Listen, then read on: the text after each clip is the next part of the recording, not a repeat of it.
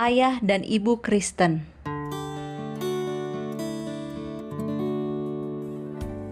Bila kamu menunaikan tugasmu di rumah tangga dengan setia, ayah sebagai seorang imam segenap keluarga, ibu sebagai seorang misionaris di rumah tangga, kamu sedang melipat gandakan ikhtiar untuk berbuat kebaikan di luar rumah tangga. Sementara kamu memperbaiki kekuatanmu sendiri, kamu sedang dilayakan untuk bekerja di dalam sidang dan di tempat sekitar oleh memautkan anak-anakmu kepada dirimu dan kepada Allah, bapak-bapak dan ibu-ibu dan anak-anak bekerja bersama-sama dengan Allah. Kesucian pekerjaan ibu.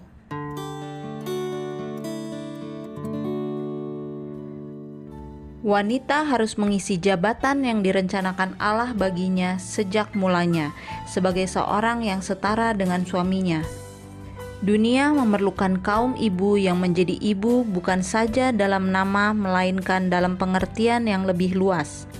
Kita boleh mengatakan dengan pasti bahwa kewajiban kaum wanita lebih suci daripada kewajiban kaum pria. Biarlah kaum wanita menyadari kesucian pekerjaannya, dan dalam kekuatan dan takut akan Allah menanggung tugas kehidupannya biarlah ia mendidik anak-anaknya untuk kegunaan di dunia ini dan untuk suatu rumah tangga di dunia yang lebih baik. Istri dan ibu juga hendaknya mengorbankan kekuatan dan tenaganya dalam keadaan tidak digunakan, bersandar sepenuhnya pada suaminya.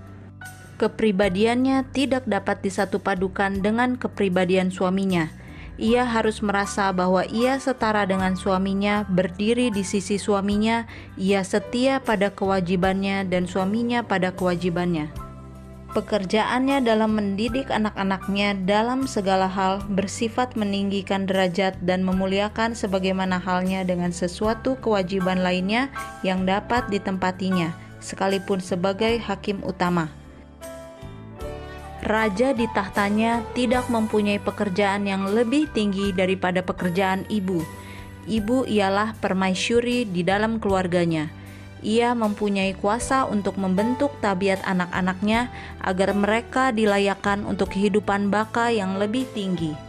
Seorang malaikat tidak dapat meminta suatu tugas yang lebih tinggi, karena dalam melakukan pekerjaan ini ia sedang melakukan pelayanan bagi Allah biarlah ia menyadari betapa tinggi tugasnya itu, dan hal itu akan mengilhami dia dengan keberanian.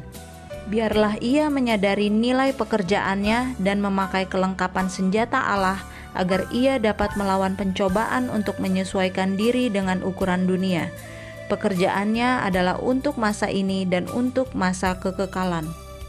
Bila kaum pria yang sudah menikah pergi ke pekerjaan mereka, meninggalkan istri mereka untuk menjaga anak-anak di rumah, maka istri dan ibu sedang melakukan sepenuhnya suatu pekerjaan yang sama besarnya dan pentingnya seperti pekerjaan suami dan bapa. Meskipun yang satu bekerja di ladang pekerjaan pengabaran Injil, yang satu lagi sebagai seorang pengabar Injil di rumah tangga, yang kesulitan dan kecemasan dan bebannya sering jauh melebihi yang ditanggung oleh suami dan ayah. Pekerjaannya adalah sesuatu pekerjaan yang serius dan penting. Suami yang bekerja di ladang pekabaran Injil untuk hayalak ramai mungkin menerima kehormatan dari manusia, sedangkan istri yang membanting tulang di rumah tangga mungkin tidak mendapat kehormatan duniawi untuk pekerjaannya. Tetapi kalau ia bekerja untuk kepentingan keluarganya, berusaha membentuk tabiat mereka menurut teladan ilahi, maka malaikat pencatat menuliskan namanya sebagai salah seorang misionaris di dunia. Allah tidak melihat perkara-perkara sebagaimana yang dilihat oleh pandangan manusia yang terbatas. Dunia penuh dengan pengaruh-pengaruh yang merusak. Mode dan adat istiadat memberikan suatu pengaruh yang bejat kepada orang-orang muda. Kalau ibu gagal dalam kewajibannya memberi petunjuk, membimbing, dan mengekang, anak-anaknya dengan sendirinya akan menerima yang jahat dan berbalik dari yang baik. Biarlah setiap ibu sering pergi kepada Juru Selamat dengan doa, "Ajarlah kami bagaimanakah mengatur anak kami, dan apakah yang akan kami perbuat kepadanya." biarlah ia memperhatikan petunjuk yang telah diberikan Allah dalam sabdanya dan kebijaksanaan akan diberikan kepadanya sebagaimana yang diperlukannya. Biarlah setiap ibu merasa bahwa waktunya tidak ternilai harganya. Pekerjaannya akan diuji pada hari ia memberikan pertanggungan jawaban yang serius. Kemudian akan ketahuan bahwa banyak kegagalan dan kejahatan pria dan wanita telah diakibatkan oleh kurang pengetahuan dan kelalaian di pihak mereka yang berkewajiban menuntun kaki anak-anak kecil pada jalan yang benar.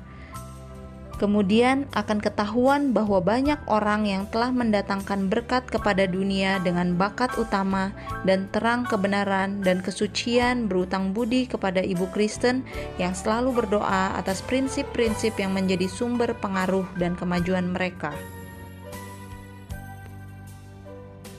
Kuasa Ibu bagi kebaikan.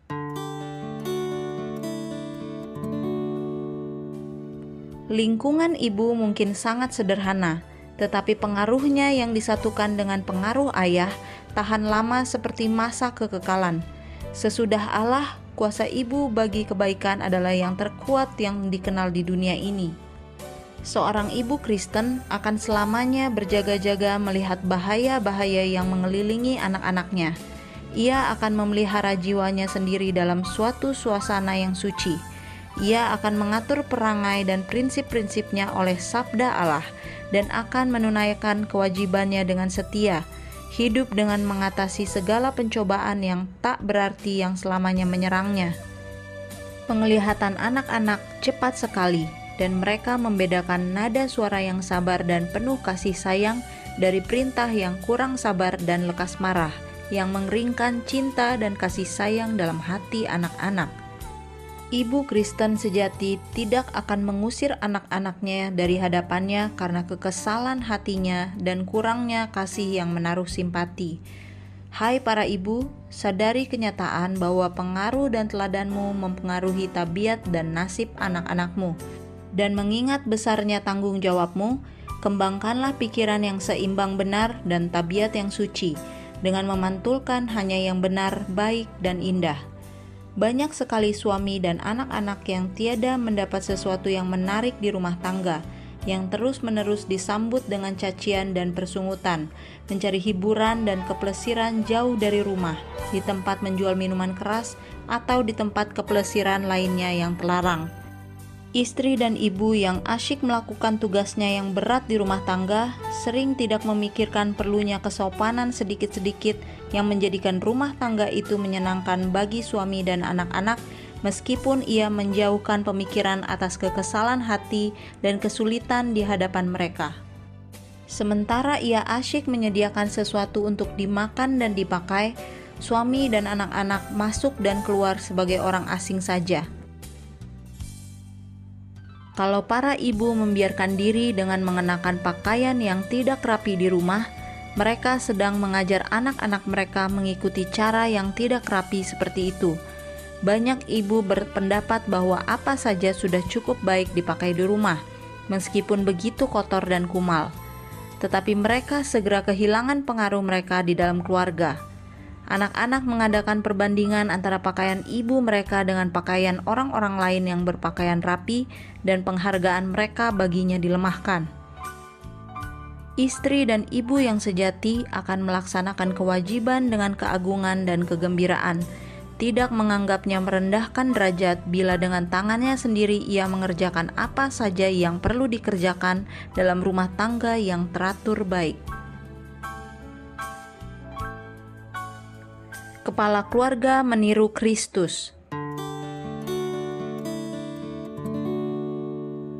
Semua anggota keluarga berpusat pada ayah. Ialah pembuat hukum atau peraturan, menjelaskan dalam pembawaannya sendiri yang bersifat jantan, sifat-sifat baik yang lebih teguh, tenaga, ketulusan, kejujuran, kesabaran, keberanian, kerajinan, dan kegunaan yang praktis. Dalam beberapa hal, ayah itu menjadi imam dalam lingkungan rumah tangga, meletakkan korban pagi dan petang di atas mezbah Allah. Istri dan anak-anak harus didorong menggabungkan diri dalam korban ini dan juga mengambil bagian dalam nyanyian puji-pujian. Pagi dan petang, ayah sebagai imam di lingkungan rumah tangga harus mengaku kepada Allah segala dosa yang diperbuat olehnya sendiri dan oleh anak-anaknya sepanjang hari. Dosa-dosa itu yang diketahuinya dan juga yang tersembunyi, yang diamat-amati hanya oleh mata Tuhan, harus diakui. Peraturan cara bertindak ini, kalau dilaksanakan oleh ayah bila ia hadir, atau oleh ibu bila ayah tidak hadir, akan mendatangkan berkat kepada keluarga. Kepada pria yang menjadi seorang suami dan ayah, saya mau mengatakan, usahakanlah agar suatu suasana yang suci mengelilingi jiwamu. Setiap hari engkau harus belajar dari Kristus. Jangan sekali-kali engkau menunjukkan suatu roh bengis di rumah tangga. Pria yang berbuat demikian sedang melakukannya bersama-sama dengan setan. Taklukkanlah kemauanmu pada kehendak Allah usahakanlah sedapat mungkin untuk menjadikan kehidupan istrimu senang dan berbahagia. Terimalah sabda Allah sebagai nasihat bagimu. Di rumah tangga, hiduplah sesuai dengan ajaran Tuhan. Dengan demikian, engkau akan hidup sesuai dengan ajaran itu di dalam sidang dan akan membawanya sertamu ke tempat pekerjaanmu. Prinsip-prinsip surga akan memuliakan semua urusan pekerjaanmu malaikat-malaikat Allah akan bekerja sama dengan dikau, menolong engkau guna menyatakan Kristus kepada dunia. Janganlah biarkan kekesalan urusan pekerjaanmu membawa kegelapan ke dalam kehidupan di rumah tanggamu. Kalau engkau gagal menyatakan kesabaran, keramah tamahan, dan kasih karena perkara-perkara kecil terjadi tidak seperti yang engkau kehendaki, engkau menunjukkan bahwa engkau tidak memilih dia sebagai sahabat yang sangat mengasihi engkau, sehingga diserahkannya hidupnya bagimu agar engkau menjadi satu dengan dia. Sifat suami yang selamanya memikirkan kedudukannya sebagai kepala keluarga bukannya membuktikan adanya sifat laki-laki. Hal itu tidak menambah penghargaan baginya bila mendengar ia mengutip ayat kitab suci yang menyokong tuntutannya atas kekuasaan itu. Hal itu tidak akan menjadikan dia lebih gagah bila ia menuntut istrinya, ibu anak-anaknya, berbuat menurut rencana-rencananya seakan-akan tidak bisa salah. Tuhan telah menetapkan suami sebagai kepala bagi istrinya untuk menjadi pelindungnya. Ialah yang mempersatukan segenap keluarga, mengikat anggota-anggota keluarga bersama-sama sebagaimana Kristus menjadi kepala sidang dan juru selamat tubuh yang gaib itu. Biarlah setiap suami yang mengaku kasih akan Allah mempelajari dengan seksama tuntutan-tuntutan Allah dalam kedudukannya. Kekuasaan Kristus digunakan dengan bijaksana dalam keramah tamahan dan kelemah lembutan. Sebab itu, biarlah suami menggunakan kuasanya dan meniru kepala sidang yang agung itu. Hai orang tua, bekerjalah bersama-sama untuk keselamatan anak-anakmu.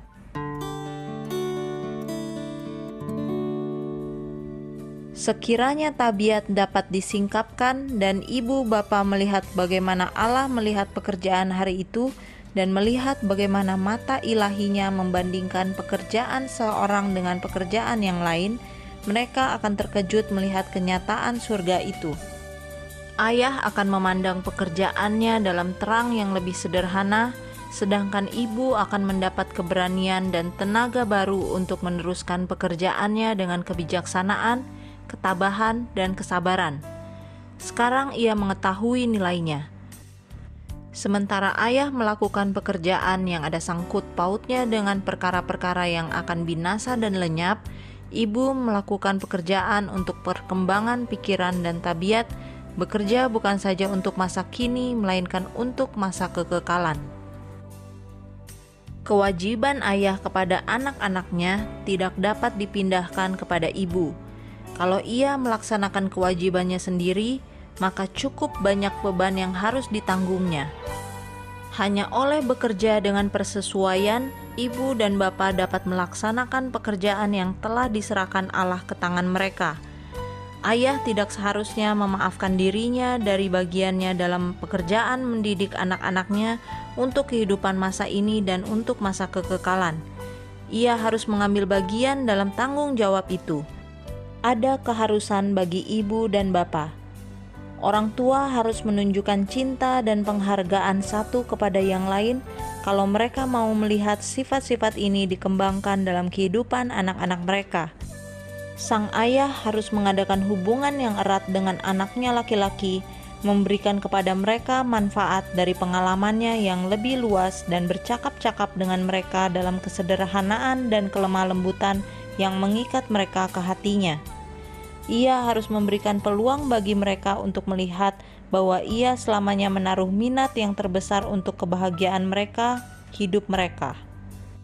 Ia yang mempunyai suatu keluarga yang terdiri dari anak-anak laki-laki harus mengerti bahwa apa pun pekerjaannya, jangan sekali-kali ia melupakan jiwa-jiwa yang diserahkan pada pemeliharaannya ia telah membawa anak-anak itu ke dalam dunia dan telah menjadikan diri sendiri bertanggung jawab kepada Allah untuk melakukan segala sesuatu sekuat tenaganya guna memelihara mereka dari pergaulan yang tidak suci, dari persahabatan yang jahat. Jangan hendaknya ia menyerahkan sepenuhnya anak-anaknya laki-laki yang gelisah itu pada pemeliharaan ibu.